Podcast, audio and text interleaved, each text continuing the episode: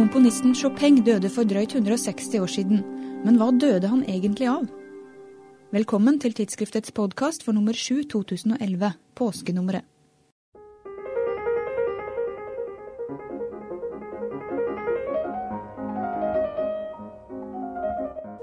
I 2010 var det 200 år siden Fredrik Chopin ble født, i en liten landsby utenfor Warszawa.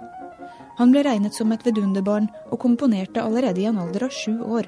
Først og fremst for piano, forteller Ulf Kongsgård. Chopin var Polens mest kjente komponist, og eh, en av også de mest kjente klaverkomponistene. Han ble jo kalt eh, pianistenes komponist. Han komponerte også for andre instrumenter, både sang og cello, men klaver var alltid med i alle hans stykker.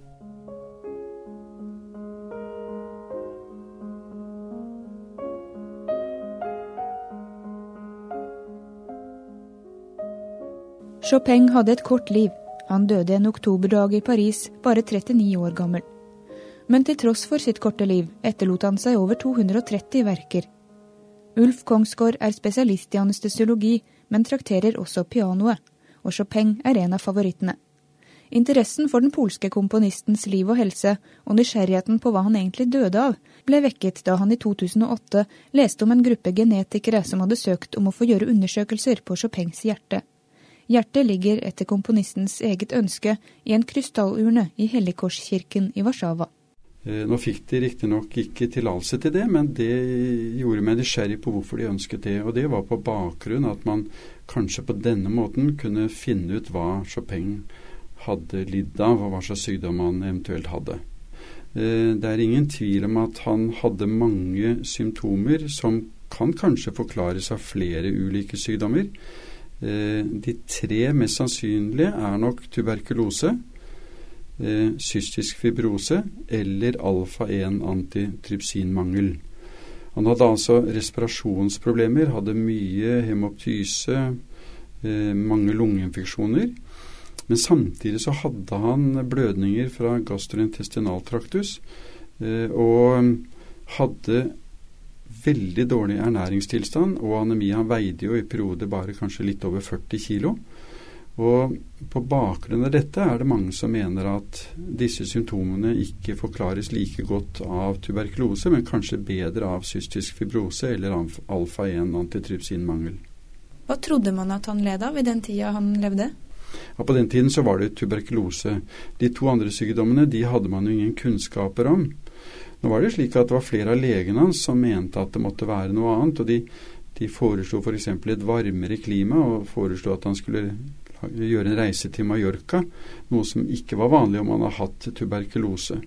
Nå kunne det jo også være sånn at, at um, denne diagnosen var ikke hyggelig å ha, og kanskje det var slik at uh, hans leger pekte på andre differensialdiagnoser, fordi det hadde selvfølgelig sosiale konsekvenser av å ha tuberkulose den gangen også.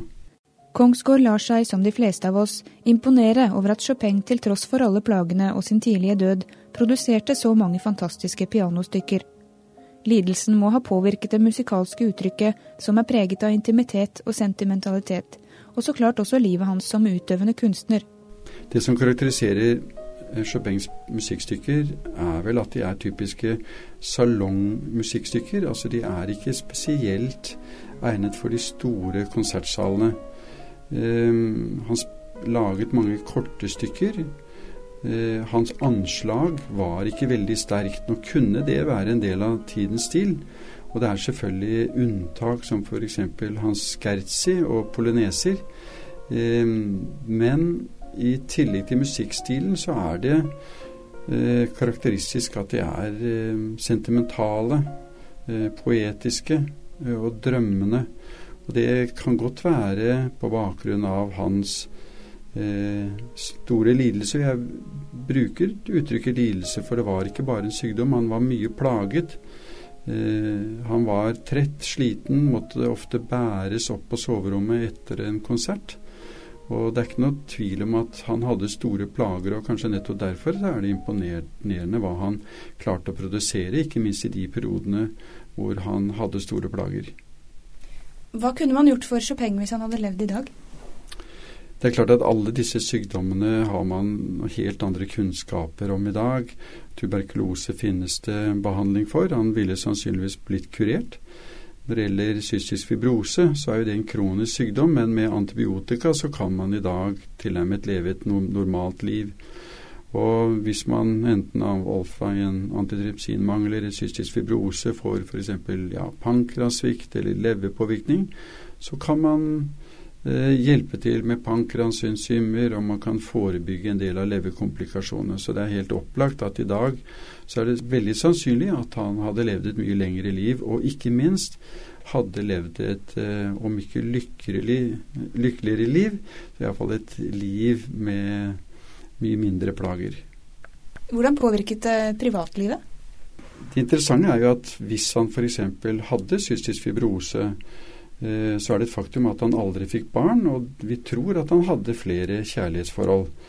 Eh, han hadde dårlig hårvekst, og det, begge deler kan altså Infertilitet og dårlig hårvekst, eh, altså skjeggvekst, kan kanskje forklares ut fra cystisk fibrose f.eks.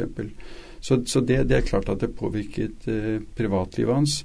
Og også samkvem med andre mennesker, i den grad at han ikke orket mye. Spilte bare i små salonger og måtte bæres opp til sengs, som jeg nevnte, etter eh, å ha gjennomført en konsert.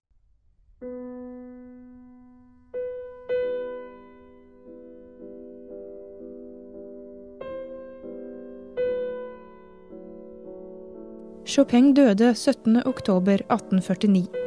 To uker senere ble han begravet i en selvregissert begravelse.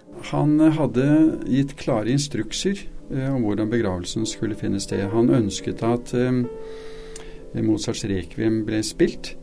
Og begravelsen fant sted i Madeleinekirken, som da drapert med, med sorte draperier. Og det var visstnok bare inviterte gjester, men det skal ha vært 3000-4000 til stede.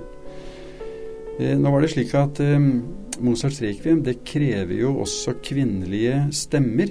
Og da ikke bare i koret, men faktisk en alt og en sopran solostemme. Og i Egliskirken så var det ikke tillatt med kvinnelige stemmer. Derfor ble denne begravelsen forsinket eh, i forbindelse med at de forhandlet seg frem til en løsning. Og den løsningen var at kvinnene måtte stå bak et forheng og dermed ble det gjennomført. Så I tillegg til da Mozarts rekviem, så ble det også spilt to av Chopins egne preludier. Nummer fire i e-moll og nummer seks i h-moll.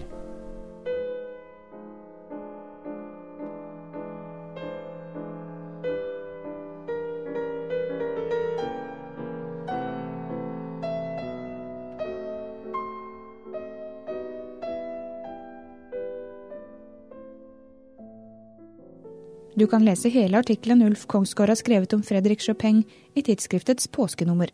Jeg heter Eline Feiring. God påske.